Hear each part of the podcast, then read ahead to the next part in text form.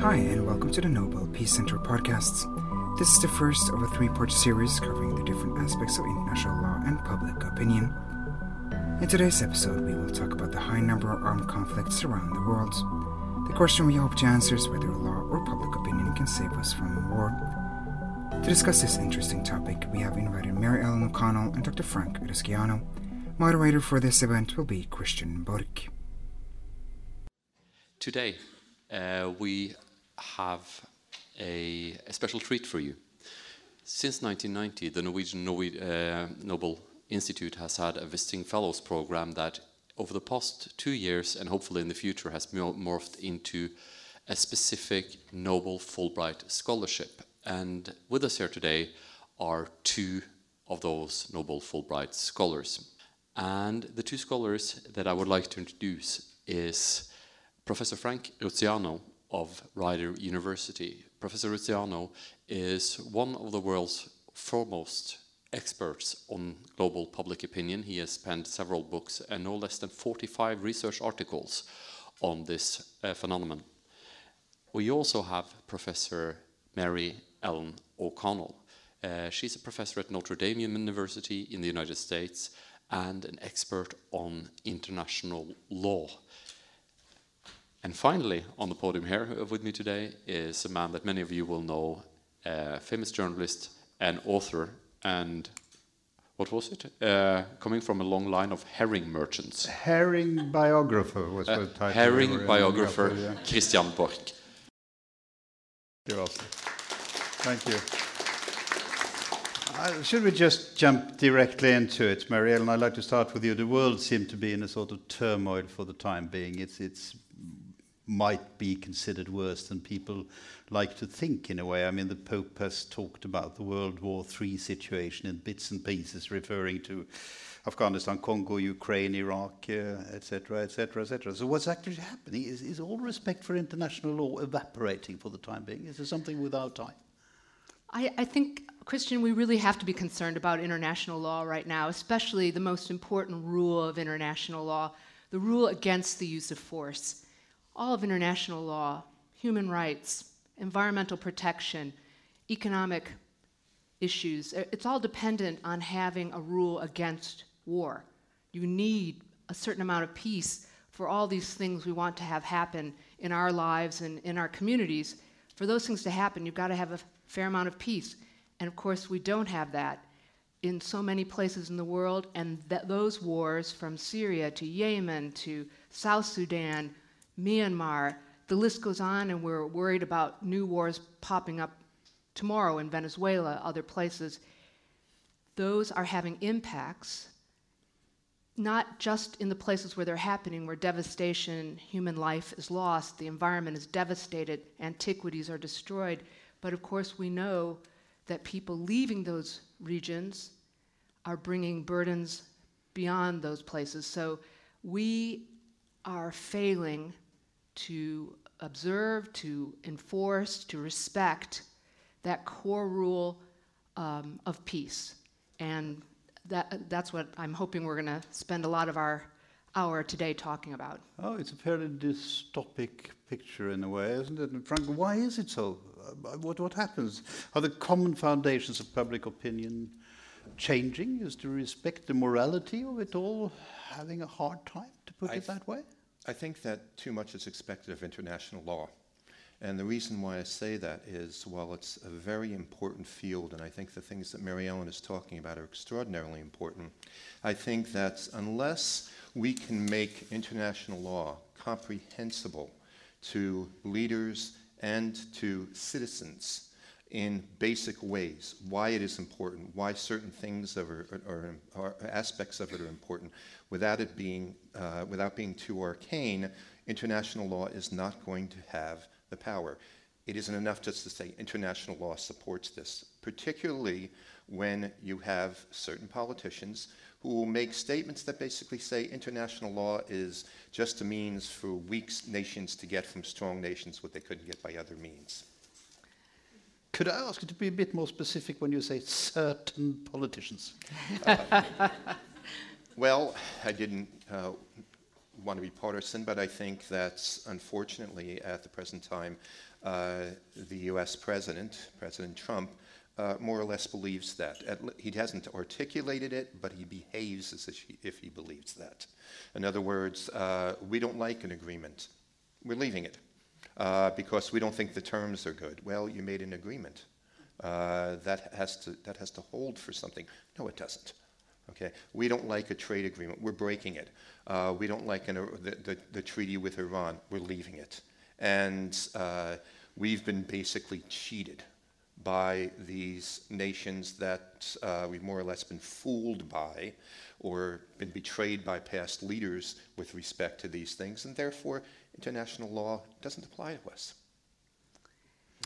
This, this Trump could perhaps be regarded as a symptom of something. So, uh, Mary Ellen, has any significant international events or concrete developments led to this situation? I mean, created this disrespect for international law? I think it's really important that we try to figure out how we got to this point so that we can come up with solutions so that world public opinion can be shaped to be part of the answer.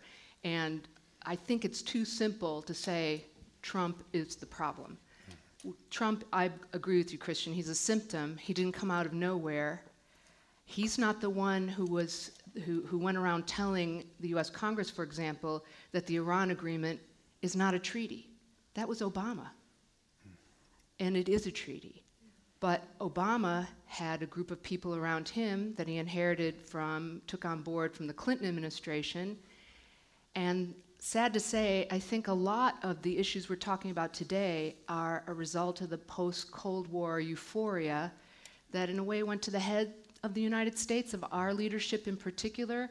We thought we were the exceptional nation. International law applied to the countries of the former Soviet Union, but not to us. We could use military force whenever we wanted. We, of course, were always going to do it for good. Clinton, you know, went into Kosovo for good in a clear violation of the UN Charter. And who went with him? NATO. So every one of those NATO countries that said they believed in the rule of law, that understood that the United Nations Charter is a treaty with a rule that is actually a higher norm above normal treaty law, a jus cogens peremptory norm, and everyone agreed that this that they'd go with the US. So if we go back to that problem, why did the United States think, and why did other countries allow the United States to think it was above the rules? If we can get back to the point of thinking we all benefit from the law, when everyone agrees that the Iran agreement is a binding treaty and you don't just walk away from it. The Paris agreement is currently binding on the United States. We have obligations, at least until after the next presidential election unfortunately, the decline has been so long, it's going to be a slow process getting back. In my country, for example, we just don't have the international lawyers that we used to. The person who's now advising President Trump on international law in the US State Department has no background in international law. And you laugh, except Clinton's legal advisor had no background in international law. So we've got to rebuild.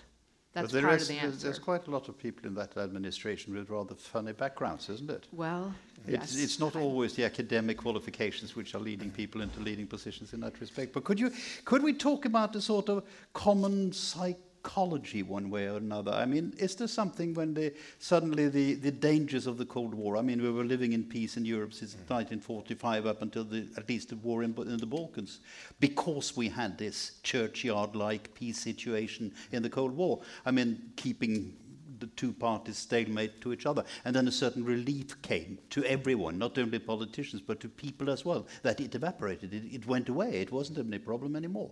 But and and could could that be reason for it? I mean, some sort of yeah. I think that one of the problems that we don't realize is that uh, we never really managed the end of the Cold War completely. One of the things that we didn't realize was, for instance, that those people who were in uh, former communist nations, uh, whether they were in the Eastern Bloc or in the former Soviet Union or whatever, wherever, uh, all of a sudden woke up and found, well, all of our values are negated. They're all gone. our, uh, th- our view of history is wrong, our beliefs about our relations with each other are wrong, regardless of how much they believed it before, all of a sudden that was all gone. And the question then becomes well, then who are we? Who are we without this kind of, these kind of ideas? Now, the interesting problem, and this is another aspect in which we didn't deal with this, is not only did they not ask the question, who are we without this ideology, the West didn't ask themselves, who are we without this ideology? In other words, uh, in terms of, well, we used to be the people who represented Western liberal democracy against communism. Well, communism no longer exists. So the fact is that uh, you can no longer make the claim uniquely as nations that, oh, well, we, uh, we are uh, the ones that are free. We represent that. Well, we, everyone uh, now, or mo- many nations, most nations, if you will, in some case, at least for a while, were free. What is their identity? And when people started to ask those questions, and there weren't sufficient answers, they got angry. And Trump is a, uh, is a symptom of that. I think that uh, some of the uh, populist politicians in Europe are a symptom of that. And when they get angry, I think that they begin to turn against the idea of international law and begin to believe, well, that was all just something that was, was useful then but is no longer useful now because we're not trying, it was, it was just a means of argument. Mm. Could I supplement maybe just a bit on uh, what Frank just said because I, I really agree with it. But I think one identity that did come up, certainly in the US, the UK, I would say Israel, is that we're great militarists. We're great military people, and we are uh, powerful economic and business people. So those are the two parts of our identity that we went forward with. And th- that's a, a, very dangerous combination of ideas to have. So, where did the US sink its mm-hmm. resources? Not in building up the United Nations, which is on its knees right now, but in building up our military industrial complex. We have poured so much money, the, everyone knows this, this is so well known, but we're pressing NATO countries to do the same. The countries with these huge economies devoted to the military, they've got to see themselves as uh, powerful military nations. And when you have a powerful military, you're going to use it. So when we see a problem like Syria, the only solution we seem to have is to bomb it, even if we know before we do it it's going to do no good.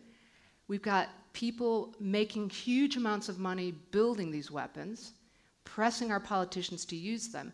So if it was simply a question of a loss of identity, but I think this is what Trump plays on mm-hmm. as well. He says, you know, I'm going to make you powerful again. the United States is going to have a military parade with tanks down the streets of our city, of our capital city.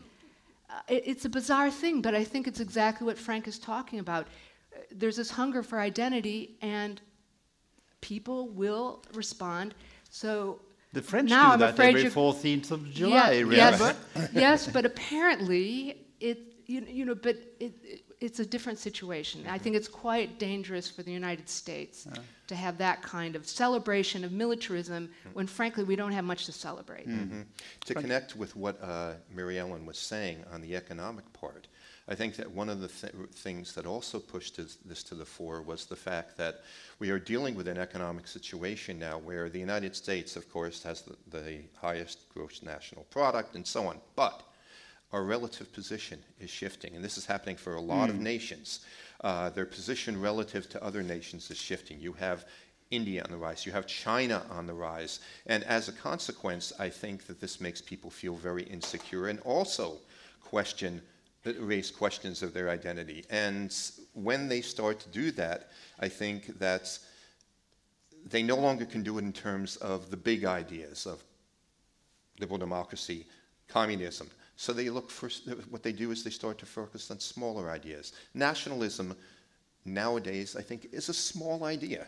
uh, in many ways for a country like the United States or any of these other countries to be focused upon. But that's what they focus upon because the fact is that they're concerned about, well, where, where am I relative to all of these other countries in this global configuration? And when you do that, when you focus on nationalism, you're going to think less about international law and you're going to think less about the important things that the problem Ellen's that talking about. This is what what happened every time Europe ended in a war, isn't it? That nationalism and isolationism actually Mm-hmm. led countries to sort of export their own problems over to the neighbors in a way, Mm-hmm. and you created antagonism. So when Viktor Orban in Hungary calls uh, Angela Merkel stupid when she tries to revoke the principles of joint responsibility in the EU, he's taking steps backwards to Mm-hmm. that sort of of, uh, of nationalism, perhaps.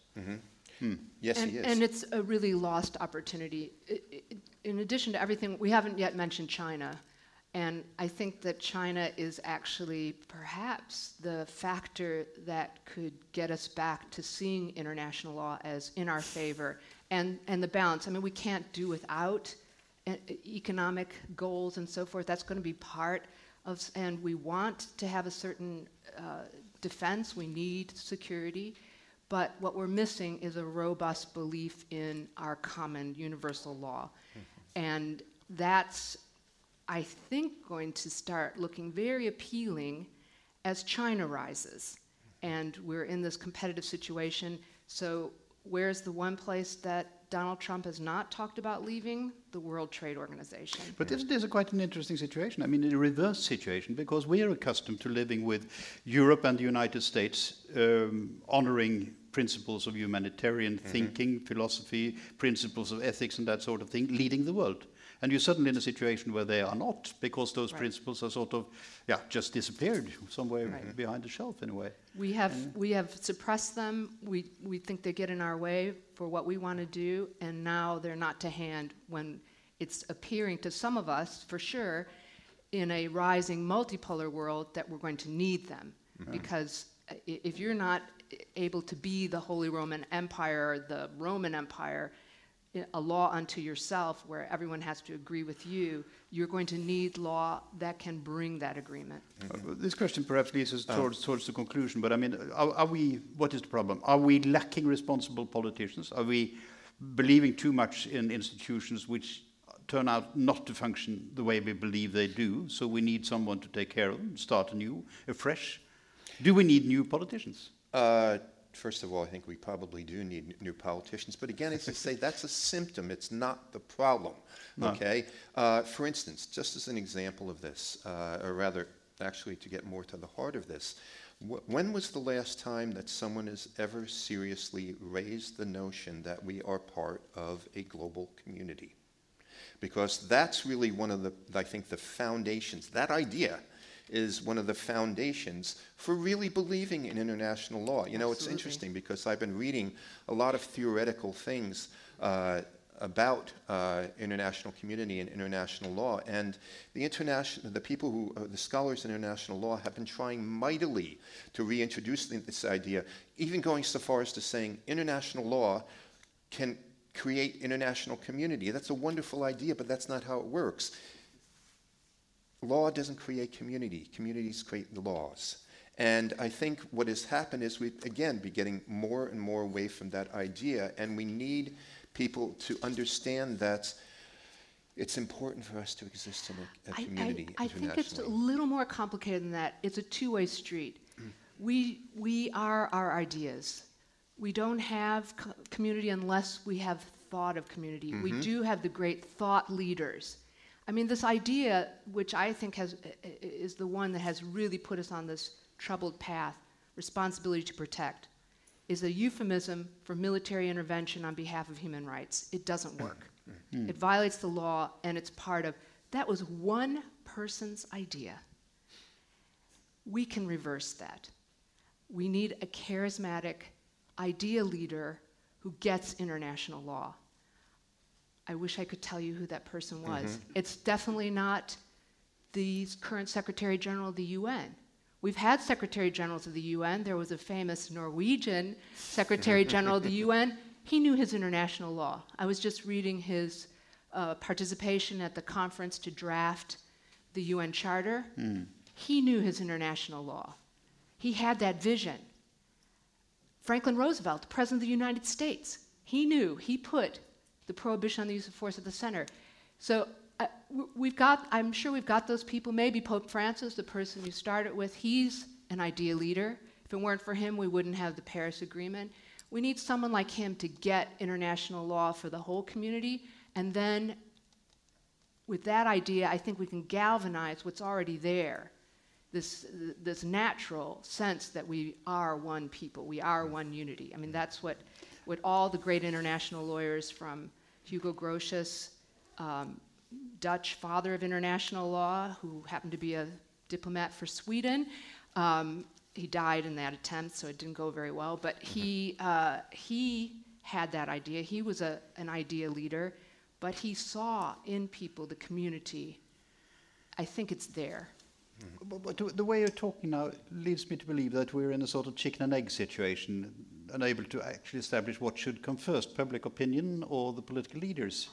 And one point is that public opinion is in jeopardy at the moment. I mean, people are thinking in all sorts of directions. People are afraid of their lives, their security, their welfare systems, and all that sort of thing because the promises of globalization didn't work out. Mm-hmm. It didn't turn out the way people think. So they are insecure and thus tend to vote for populistic politicians who say those sort of things. But then you have to have someone coming in from the outside then telling something completely different and catching the minds, the right. imagination of people. And that sounds a bit more complicated, I think, mm. isn't it? I mean, who should? Yeah, you mentioned well, I, I, think I think that's a question for Frank. That hard question. I, I, I, mean, how you shape world public opinion yeah. is fascinating to me. I've learned a lot from Frank um, in our time here in Oslo.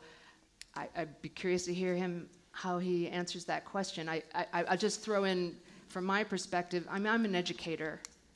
I have great belief in my students. I I'm working on a book that I hope will grab somebody's attention who might pass it on and it might take fire. Um, but I know that's going to sound to this audience very small steps and so forth. It's my contribution. It's what I, I believe in education. But mm. Frank. Yeah. Well, let's look at some of the situations where world public opinion has had an effect. Uh, I would argue that, uh, first of all, in the downfall of apartheid, world public opinion was key. Uh, in the study that I did of Northern Ireland, uh, uh, I would argue that world public opinion was an important factor. Not the only factor, but an important factor. Uh, and for those people who were at the seminar, uh, and I, I, uh, excuse me for, for repeating myself, uh, there was a story that I was told by one of the people who was negotiating the Northern Ireland Peace Treaty, and this goes directly to the notion of leadership. And uh, what had happened was that the uh, peace negotiations weren't going well. And this was after apartheid had fallen, this was after South Africa had actually reached a peace. And they were invited to South Africa because they said, well, maybe we can teach you some things or show you a few lessons of how you might get to a peace agreement. And they said, fine. However, Catholics and Protestants or uh, Republicans and Unionists, you can use whatever term, uh, would not travel out of the same airport. They would not stay in the same accommodations. Mm-hmm. They would not eat together. They would not use the same restroom facilities. And Nelson Mandela had to give two separate speeches to each one of them. And when he gave that speech, he said to them, You have brought apartheid back to South Africa. Mm. The hatred you show is worse than anything I have ever mm. seen. Mm. And he shamed these people, shamed them so much Publicly. that they went back and they were encouraged to, uh, to uh, reach a peace agreement. Why did apartheid fall? In part because they shamed those people so much. Mm. And I think that. But it was Mandela who shamed him. So. Yes. Where is it? So we need a Mandela. Yeah, but you know, uh, uh look for for a second, okay? When you're mentioning Pope Francis, okay? Maybe there's a way that that he, as a religious leader, can shame people. You know, countries. How about the Dalai together. Lama? possibly, who knows? But country, also countries can get together in an agreement and say, this country has done something that we consider so heinous or has a system that is so bad, like apartheid, that we are not going to associate with them. And if we can start to do that, then we can start to shame them. Then we can start to isolate them. Then we can start to say, there is a punishment for what you are doing. It's not impossible. Mm, it What really I find is. dangerous in the story that Frank is telling, I mean, I mean, we're identifying people that we agree with. Hmm. I, I fear that Donald Trump gets it. He gets how to shape world public opinion. I, I think Donald Trump is a master of, of opinion grabbing. I think that he is doing everything he needs to do to get reelected. And that will really set us back.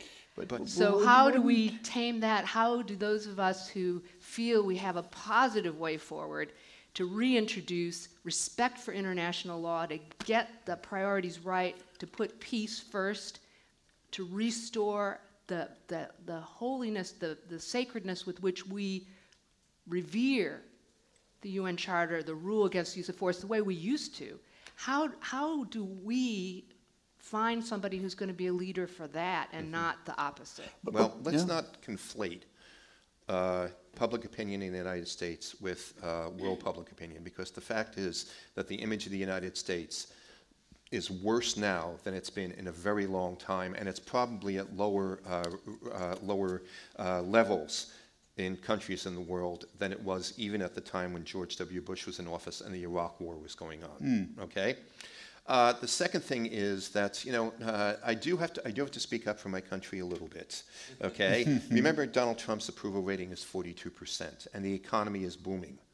It is incomprehensible how you could have a booming economy, and the fact is that the uh, president has a 42% approval rating. This is not a man that was elected by a majority of Americans. As a matter of fact, there was a uh, significant percentage, two or three percent, which is a lot when you're dealing with a voting population the size of the United States, that did not vote for him. Now, I agree with you in one sense, Mary Ellen. He's very good at manipulating the media. He goes and holds these, these rallies, uh, and please no analogies of who else used to hold rallies like this. But anyway, he, would go, he goes running He was another the guy who really got world got, public got opinion. public opinion, yeah, really. But the fact is that I think that uh, world opinion is not favorable toward Donald Trump, and I do believe we are going to pay a price. And I said this before, you know, for uh, withdrawing from the, the, the Paris Treaty, withdrawing from the Iran Treaty, uh, and these different kinds of actions. I don't think I don't think we're getting a free pass on that. Okay, whether it's going to be sufficient for uh, for uh, Donald Trump to change his behavior, I don't really think so. But, do, uh, but shouldn't we go back to the? So my mention of Trump and his hold on, is just a fear that somebody like that could be the Mm-hmm. world. Uh, not that he is, but why? Maybe he could be. How do we, those of us who have a different vision for the future, how uh, is there anything we can do to get the message across to find one of those opinion leaders to Mm-hmm. to be the charismatic voice? But but isn't it the fact that world opinion is to to at, at the end, so to say, is shaped by some principles which people prefer to believe in? I mean, some values which are sort of exceeding what is being expressed in Twitter messages. I mean, that's the from history a bed it- the with, history a, of with a hamburger on the lap. I mean, uh, it's Yeah. it's something which I mean, when Mandela was was doing what he was doing, shaming people over uh, over apartheid, he had a world opinion at the back of him which pushed him up, and, and was a sort of hot air situation which brought him up Yeah, in a I- way, I- I think I- based on What we know from the history of international law is that the good ideas will come back to the fore. I hope, though, it doesn't take a World War II, No, that, th- th- th- that we have to get so low. yeah. And that's where Mandela figures somebody else, but Mm-hmm. frankly, we don't have, I mean, the, the international law comes to us after the, one of the worst wars, the 30 Years War in Europe, Hmm.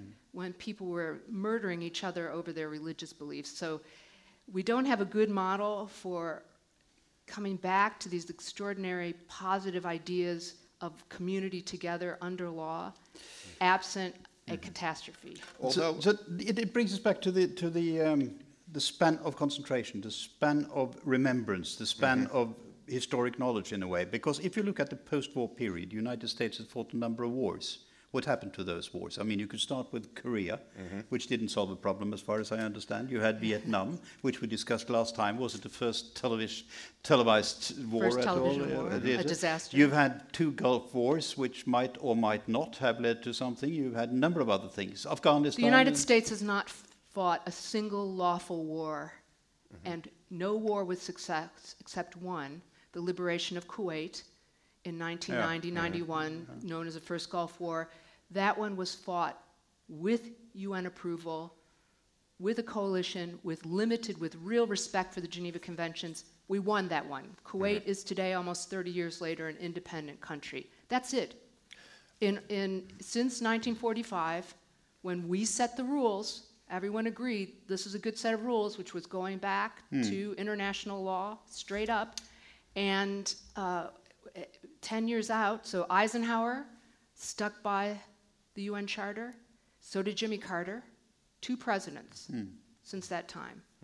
And it's, it's just worse since the end of the Cold War, far worse, where, where not only did we, are we u- using military force unlawfully, we don't even care to make the arguments anymore. At least when we were in this competition with the Soviet Union, we were in some kind of competitive competition to keep the law. and now, uh, Ch- Car- uh, Trump attacked Syria twice in a, in two year in a year, and he doesn't put up any reason under But does- international doesn't law. these- these realities sort of seep into the public mind and create the public opinion in the United States and You know, That's the question. Yeah. yeah. The interesting thing is, um, uh, you know, Mary Ellen brings up a very important example in the first Gulf War. Because the fact is that what George H.W. Bush did very well was to lay the groundwork in world opinion for, uh, even before they went to the UN for the resolution uh, of using force and so on. He met with world leaders all over, including Gorbachev. And this was a major thing. It was one of the first times, I believe the first time, you probably know the history of this much better than Are you I. talking about the first Bush now? And Yes, yes. yeah, okay. It was the first time, as far as I know, where the uh, Russians actually said, yes, you know, go forward, we are going to support this effort because it is wrong. And he No, there was a, carefully- another earlier very important time. Oh, that was the, World War II. the Suez, no, the Suez, Suez, yes, Canal. yeah. Mm. That was But- a that was another important time. So there have been Yeah. other Yeah, times. but, but yeah. But, this was you know, extremely important. he, he was very careful to build world opinion, build an international coalition, and then move it forward into the institutions like the United Nations. Um, but, you know, I think that Mary Ellen is onto something here, because the fact is that there are two common factors that we find in these wars that we're talking about. Number one, the United States has uh, not followed international law, and number two, they haven't finished them. They haven't won them because they haven't defined what winning even means. And the fact is, when you go to, a, go to war without a set of principles, then you are not going to know what you're trying to accomplish. But Christian's question to us was, why isn't this seeping in? Why aren't we? Because no one's saying it. Why isn't it? So maybe that's that's what we're learning in this conversation. That what really needs to happen is for those of us who have this knowledge Mm-hmm. to be working with people like you who know how to get the both of you to get the information out, because this is a story that's not being told. I don't know how to get the information out, but you do. But It- this is this, this story about Yes. this failure of wars that do not follow the rules Mm-hmm. and the extraordinary cost. But I'm not sure that it's bad enough. Mm-hmm. I, I think too many Americans are too comfortable. Europeans are not, I mean, how hard would it have been for Norway after this latest attack on Syria, April 14th? Norway's official position was that the government understood. Hmm. Not, yes, what Assad did was a clear violation of international law, and we don't answer that with another clear violation of hmm. international law. Would that have taken so much courage? Mm-hmm. So I'm not sure that any of us are, are eh, there's just not enough hunger in countries that can make a difference mm-hmm. for change. But I But- think you yeah. know it's it's linking it to a simple idea, and again, I don't know how we get this idea out, but you know what you've been saying, I think, has led me to a very simple point that I just said before, and that is that if you begin a military uh, operation without a clear justification in international law, then you're not even going to be able to, to, to, describe when you have accomplished the goal that you're trying to reach, because that would have been articulated hmm. in international law in the first place. Absolutely. And, and that, that's no it's coincidence. our common language. Yes, hmm. and that's something that I think people can understand. Hmm. It's, not, it's not a complicated idea. And people can look and say, look, look at, you know, the, the uh, invasion of Iraq, look at the invasion of Afghanistan. You know, uh, there, was a, there was a cover story in the Atlantic Monthly that says, why does the, the United States win wars? Hmm. And part of the anymore, and the reason is because we don't define even we don't even have a definition of what winning means. But see, hmm. that's a that's hmm. an example of the point I'm making. These well-educated writers in the Atlantic, mm-hmm. they're seeing the facts, they're seeing the lost wars, but and they don't the see the, the rules. Mm-hmm. They, they have no, we're so ignorant now of this whole thing. It's going to be a lot of rebuilding. Mm. But we need a Marshall Plan for international law.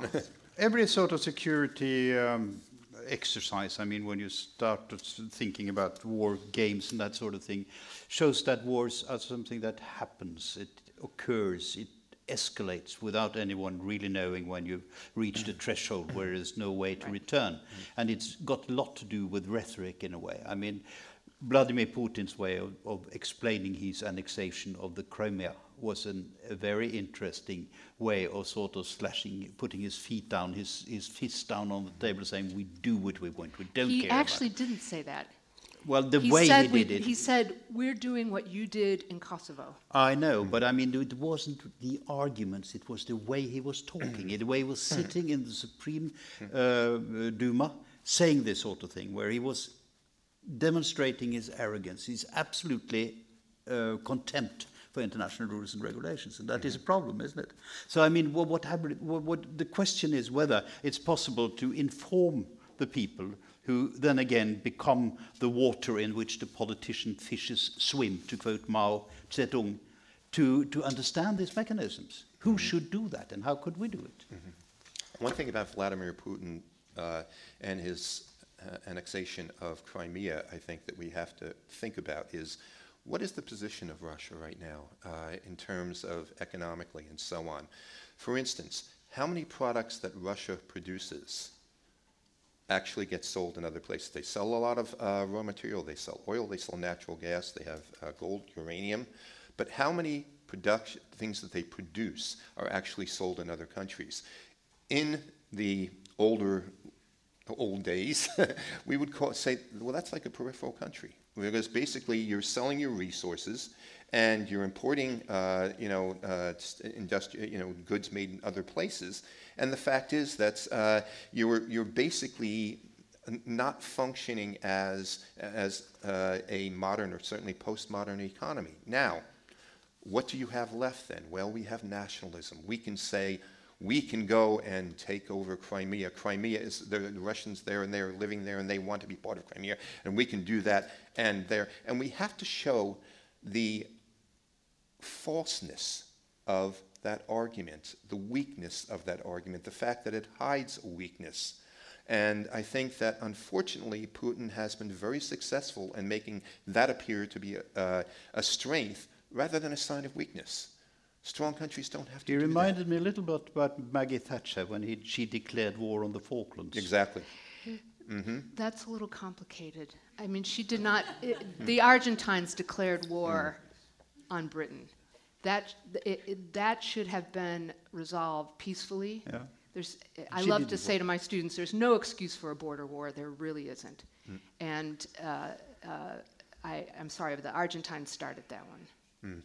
She wasn't too unhappy with it either, I think. We have but found, I, I, mean, this is part of the problem. Uh, Putin mm-hmm. has discovered this, Trump, Obama, um, uh, uh, Tony Blair, David Cameron, war sells.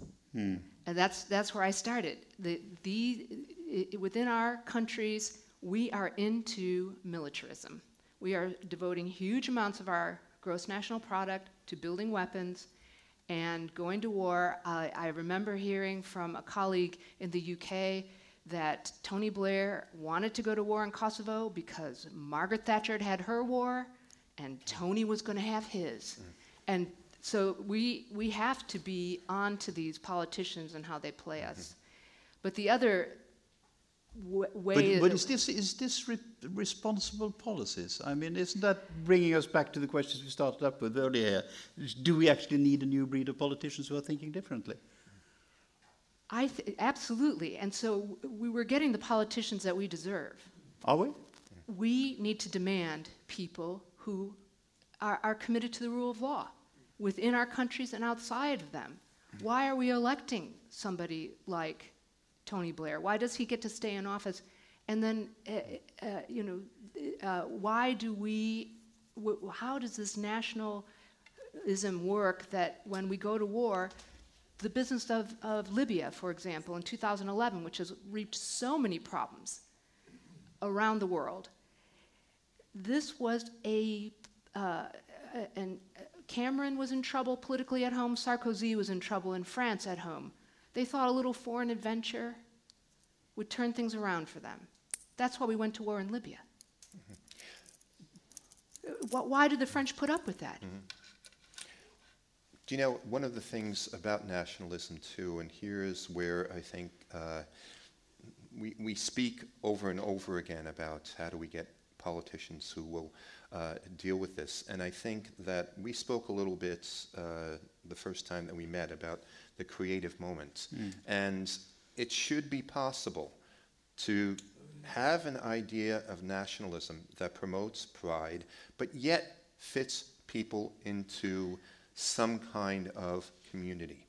And I think that one of the things that we're seeing is that these, these uh, old ideas of nationalism that we've been recycling do not work. Okay, they may work temporarily, but they are not going to work in the long run. Could that be because the circumstances are differing? I think the the two pillars of European security in the post-war period is NATO and the EU, created under special circumstances with the uh, uh, with the um, the smell of war still Right. in your Mhm. Of nostrils, one way or the other. And the conditions have changed. I mean, suddenly everyone was extremely rich and happy, and everything was perfectly all right until the debt crisis occurred, and now you have the opposite direction. Is it simply because the international law, the regulations of these organizations haven't been well enough founded? That's yes, oh, no, I, I think I think law is always fragile. We- We're always we're naturally inclined to uh, toward uh, money. We, we want to, we've got a natural instinct to stay alive, to accumulate wealth. The economists tell us that. Yes, we have a natural tendency to want to have, and the the realist ideologists told us we'll always want to be more powerful than the next guy the part of our human nature, what makes us a community that is worth being in community with, is the legal part, the third part. And that's the part that's the most fragile, that we have to work hardest toward. And a lot of the pillars of that are religious belief, for example, or the sense of, of, uh, of something higher than us. That's what nurtures that third pillar, and we need to rediscover that the people who get that are the ones who have suffered so much from over militarism or from poverty.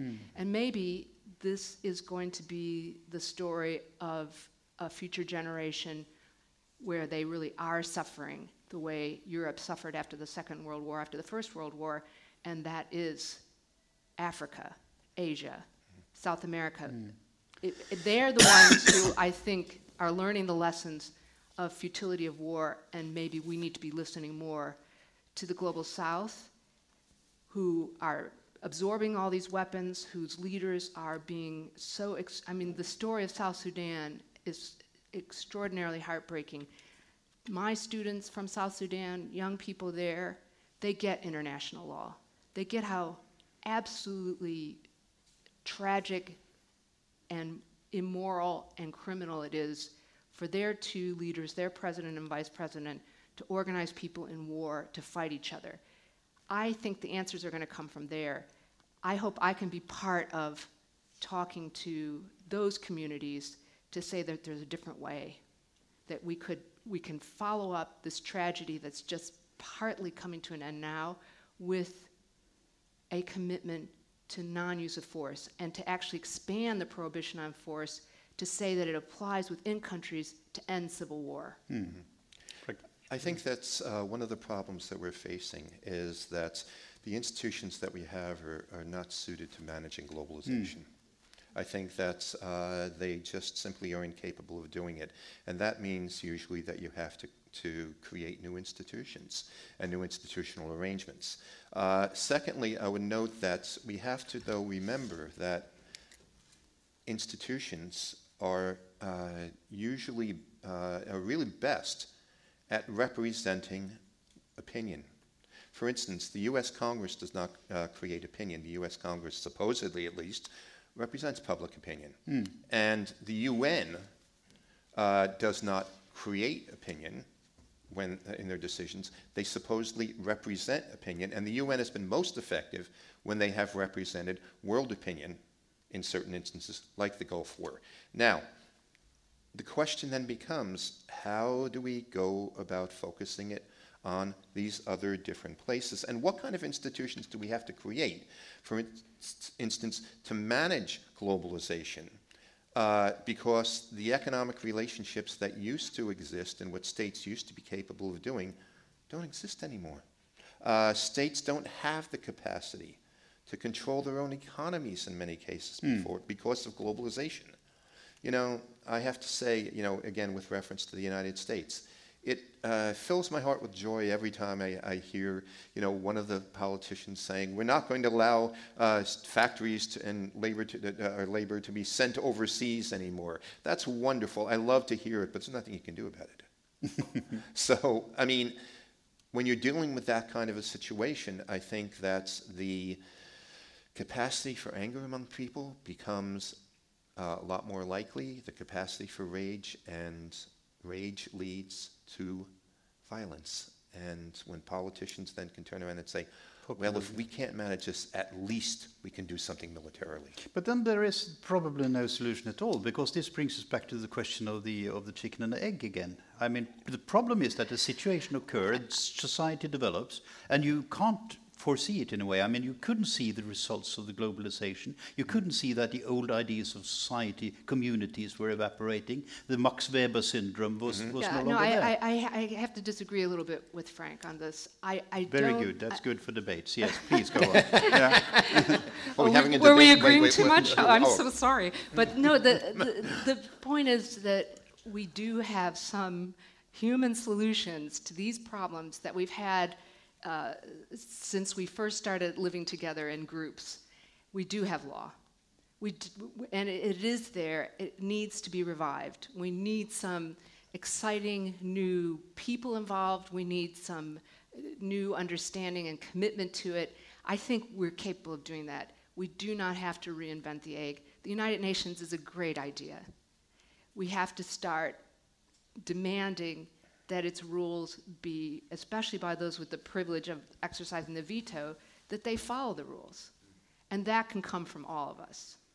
That i- it's going to take a mindset change, uh, um, and how we do that, that's, uh, that's actually a doable problem. But I don't think that we are looking at completely failed institutions that can't step up to the problems. Uh, We were very close to getting a world banking organization, something that would do for banking what the International Monetary Fund does for uh, currency flows, what the World Trade Organization does for trade. we can get that. A police organization which could sort of We, we, keep them on track. we Yeah. absolutely. The banks, I mean. Yeah, no, I mean, Frank is right. Banks are a global phenomenon. And the fact that they've slipped under the radar, they think, but even the bankers are beginning to realize it's too big for them. They actually increasingly are worried by not having rules of the road that they all play by that give some expectations because the problems are extraordinary. I, I like to talk a lot about another area where people are beginning to get that you need international law, and that's cyberspace. Hmm. Right now, we would be so much farther along if we were free of this militarism. Right now, most of our countries are spending more money on cyber weapons. NATO is the, has a much bigger budget for cyber stuff than the UN. Than the International Telecommunications Union. But I think we're on the tipping point on some of those because it's absolutely absurd to think that cyberspace is battle space. Yeah. But well, we are, I mean, the time is going faster than I like. That's a situation which Mm. always I'm sorry occur to on this that. speci- specific space. And Frank and I were just beginning to disagree. Yeah, Yeah, really. Yeah, I just actually, I was you going moving to. in the right I was going to, to back up a little bit and kind of agree with her. So maybe things are Yeah. are not going the way you you would like. But if I could just say something very Yeah. quickly. I would not say the UN is a useless institution. I don't believe that. Okay, I think it does have certain functions, but there are certain things in terms of globalization that we have not managed to uh, create institutions to manage, and one of the most important is labor flows. I think that so long as you have the capability of sending uh, sending uh, uh, labor or uh, certain industries to other places where labor is cheaper, where you don't have to pay people uh, a, a decent wage, you are always going to have this, the problems uh, that you have with, with, with, with, with people's feelings and uh, with, with people feeling like they're being cheated. And it's very easy then to turn around and say to people, well, it's because uh, the, uh, these other nations have been taking advantage of us. So I think we do need uh, uh, organizations. We do need to develop those organizations better. How we go about doing them, I'm not sure yet. Okay. Uh, Mary Ellen does make a good point, though. I was thinking as she was speaking about the analogy of when the, the United States was moving into its real industrial era, which was really between the Civil War and the, the Middle of the 1900s 19th or so. century. Yeah, I'm sorry, 1865 to around 1900. And one of the things that actually prompted a lot of the, contr- the progressive controls on business was the fact that uh, the, for instance, pricing was so chaotic for railroads that, that businesses, large businesses couldn't figure out how they're going to ship goods, or they don't know what the prices are going to be, and so on. So they actually needed a bit of control, and, or a, uh, more than a, a bit of control, okay? And they needed to, you know, have the assurances by the government that what they were selling was not dangerous, so that people would go, in fact, and buy those products. So maybe we, we can get to that point again, and it's not a complicated point to say to people, look, the fact is this chaotic situation isn't working, and it not only isn't working for the people, it isn't working for the major actors that supposedly have their fingers on the levers and the control.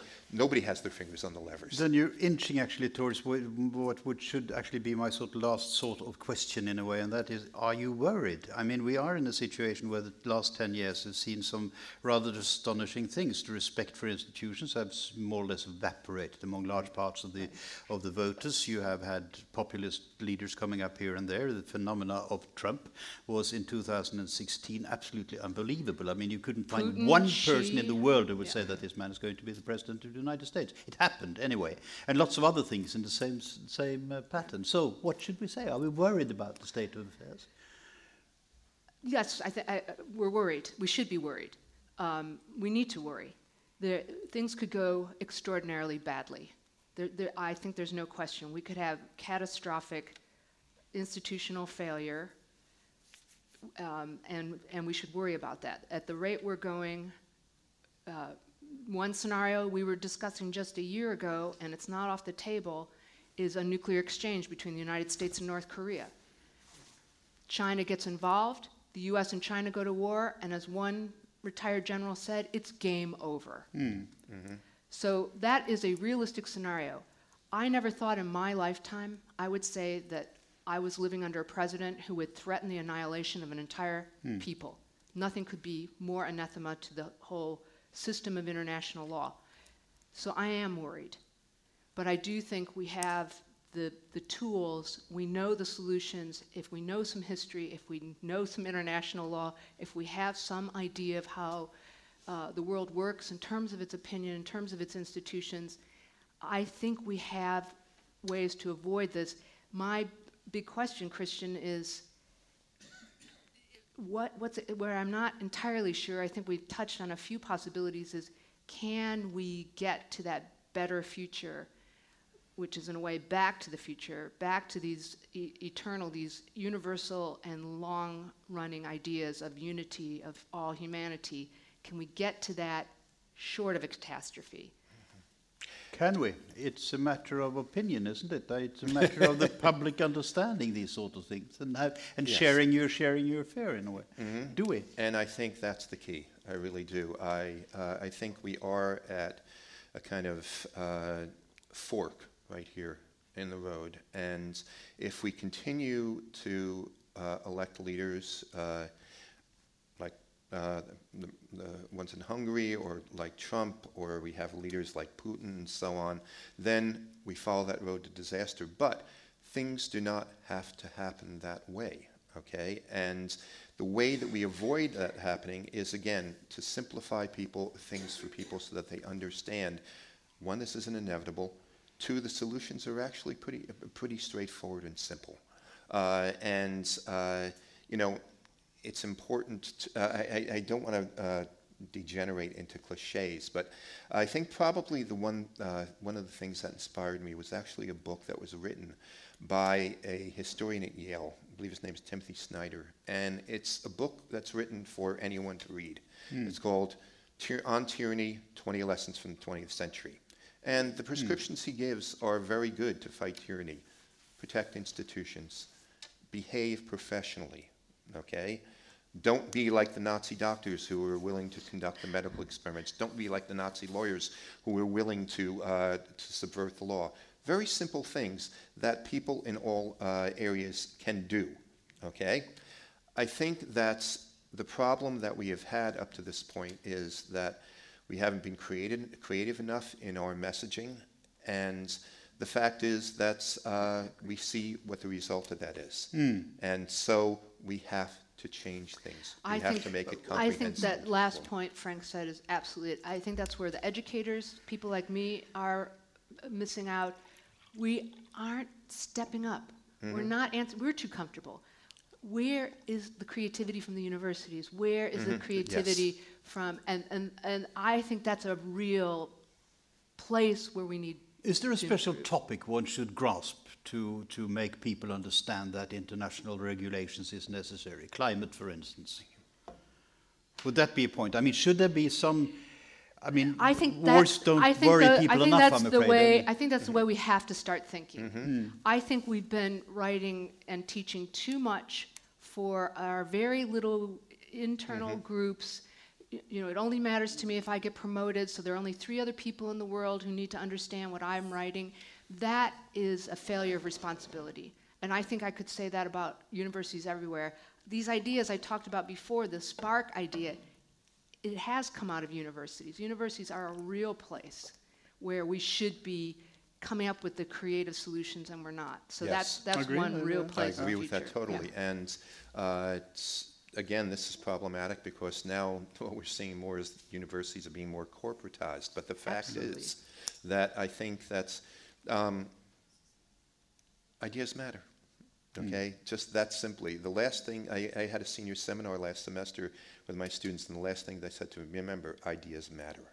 And uh, ideas that you can communicate. And Mary, uh, Mary Ellen is right. We spend too much time talking uh, to our colleagues and not enough time speaking to the public. And I think that's an obligation that we have as academics. And you know, a lot of the the the, the all you know, it's we depend so much about the upon the universities to come up with the innovations in the sciences and so on. We really need to depend upon the universities to come up with these ideas too. Not just the universities, but we have that responsibility, and more resources and more things should be dedicated to that, and it should be written in the plans, the strategic plans of universities. Yeah, we Here, could- here, these are the words for the future. Yeah, we could do without an aircraft carrier and more international lawyers. I, I think we suddenly need that aircraft carrier actually coming up in the north somewhere or the other. We could take it if you don't like it. Mm. That will be all right. Uh, questions from the audience now? I'm afraid I'm having this handicap with lots of light in my eyes. There's one question. One of the first issues you addressed was how shame can sometimes be like a catalyst for change, as I mm-hmm. understand you're saying it. Mm-hmm. To take the very like prominent example of Syria, I think you'd be quite hard pressed to find a society, certainly in Europe, where we don't tend to shame Assad and the regime, but our response to that has been breaches of international law on our part, which we haven't even bothered really to justify, like the UK offered pretty much the bare minimum justification. Uh, and a second. Or a non justification. Well, exactly, yeah. Uh, and the second question would be right at the end, you're touching upon uh, the, the role of universities and how that should, perhaps should be where. But also, you'll talk about how Trump represents perhaps middle America that felt somewhat unrepresented and was worried by this loss of status, isn't confining this debate to universities, which are necessarily very privileged institutions and becoming to be seen as more so. Isn't that going to undermine any you know, outreach programs that these unis are going to try and have? Do you want to start this time with the shame? Should I? Yeah, okay. Frank. first. Um, Yeah. First of all, I think that uh, in terms of the issue of shame and Syria, uh, you know, I think that one of the the uh, biggest problems there is that uh, Assad is is uh, almost seemed content to be isolated from the rest of the world. And it seems always as if he'd be content killing off all of his people, okay, so long as he retains uh, control of the country. I remember the line from Antigone where uh, the sons, uh, Haemon says to Creon, you'd be a good dictator for a desert. Okay, that seems to be the direction in which Assad is going. Uh, you know, they actually uh, they actually thought, uh, you know, tried to do a, a, a, lot of things in Syria. Now, part of the problem is that again, uh, world opinion hasn't been consistent. Russia has been uh, supporting Assad, okay, and the opposition uh, in Syria has been very splintered. In other words, a, a lot of the people are saying, well, what Assad is doing is terrible, but where is the alternative? Which, which group do we support? And so on. Okay, where is the solution to that? Okay, so he is he is in a position where he's he's basically saying, I'm willing to be uh, you know isolated from a good part of the world, have Russia on my side, and then they go forward from there. And by the way, I would argue that the likely outcome of all this is that uh, the United States is probably going to just simply step back and uh, allow Assad to do what he has to do in order to regain power. I think that, although it's never stated in the United States government, I think they really feel like that's the most stable uh, alternative, and that's the one that's ultimately going to happen. Okay, but you don't have to take my word on that, please. Uh, the part about the universities, that's a really tough problem, and it's been getting worse. Uh, in part because uh, you know, it used to be the case that the uh, United States had an alternative for people who could not afford uh, an expensive private education, and that was the public universities. Well, guess what? The public universities are getting uh, more expensive and almost out of the reach of a lot of people, too. In the United States. In the United States. Mm. Why? Because they are not being supported anymore okay? And I think that you point to a very serious problem in the United States, and that is that uh, too often I think people are viewing, uh, there's certain people viewing education as an enemy. And uh, I don't know how much we deserve that, uh, that reputation. I would I don't think of myself that way. But anyway, the fact is that they actually did a survey recently where they found something like 44% of Republicans believe that a university of education was a negative thing, that it had negative effects. So, um, yeah, that's going to be a problem. And uh, I think that uh, the universities are going to have to uh, perhaps try to try to get back to a situation where we really do say to people, look, we do important things and we, uh, you know, we do things for people. We serve the public uh, more than you think. Hmm. But I think universities Mary Ellen? have fallen into the same trap that you talked about, Christian. This materialism. Hmm. Professors want to make a lot of money. We want to have all this st- uh, stuff. We um, have expectations that then administrators are trying to find ways to satisfy. This is a, a worst problem, but it's of course in the U.S., but it's it's we're seeing it other places as well. We're increasingly seeing it in Europe Australia, other places. Um, so I think we can be leaders there. Those of us who are in the privileged position of having tenure, I mean, it's a miracle to have tenure. And to have, and so it's easy for me to say, I happen to be at a very wealthy university and I'm very well compensated. And if I were, and I am going to think about this, I mean, but it, it starts at home, right? Um, one of the great things that Pope Francis has led on is he leads a simple life. He could have every palace that belongs to the Vatican in and around uh, um, Vatican City. He chooses to live in a small guest house. That's the kind of leadership I'm talking about. University professors can do that too. We have the privilege of teaching, we have job security. We should be uh, leading in this kind of a revolutionary place. We should be coming up using the, the creativity that we're allowed to um, have to get us out of this trap of uh, materialism and militarism. I think those are the two diseases that, that are leading to a lot of these problems. But I, I, I have a different take on the Syria question. I think part of the cause was this belief in militarism that opponents of Assad, who were just, they were absolutely right to be opposed to him, but why did they decide, school teachers, doctors, farmers, that they should get a weapon and shoot a soldier? Why is internal re- armed revolution, why was that the answer to the human rights problems in Syria? They thought NATO was going to come to their rescue as they did. Remember, the, the violence starts in 2011, the year of NATO's intervention in Libya. Why did the Libyan opposition think that they had a chance at defeating Gaddafi? Because NATO had come to the assistance of uh, Kosovo, in Bosnia, and so on. This answer of militarism, this simplistic answer, has become a disease. And that's something I think in your work, for example, in what I do, we can really begin to make some creative stop this nonsense to think that civil war is the answer. That would be a great first step. By the way, I don't come from a rich university. the last questions on this Thursday in this room is coming up. Thank you. Um, I'm also a Fulbright scholar. My name is Nathaniel Fuchs, although I'm not nearly as experienced as my colleagues.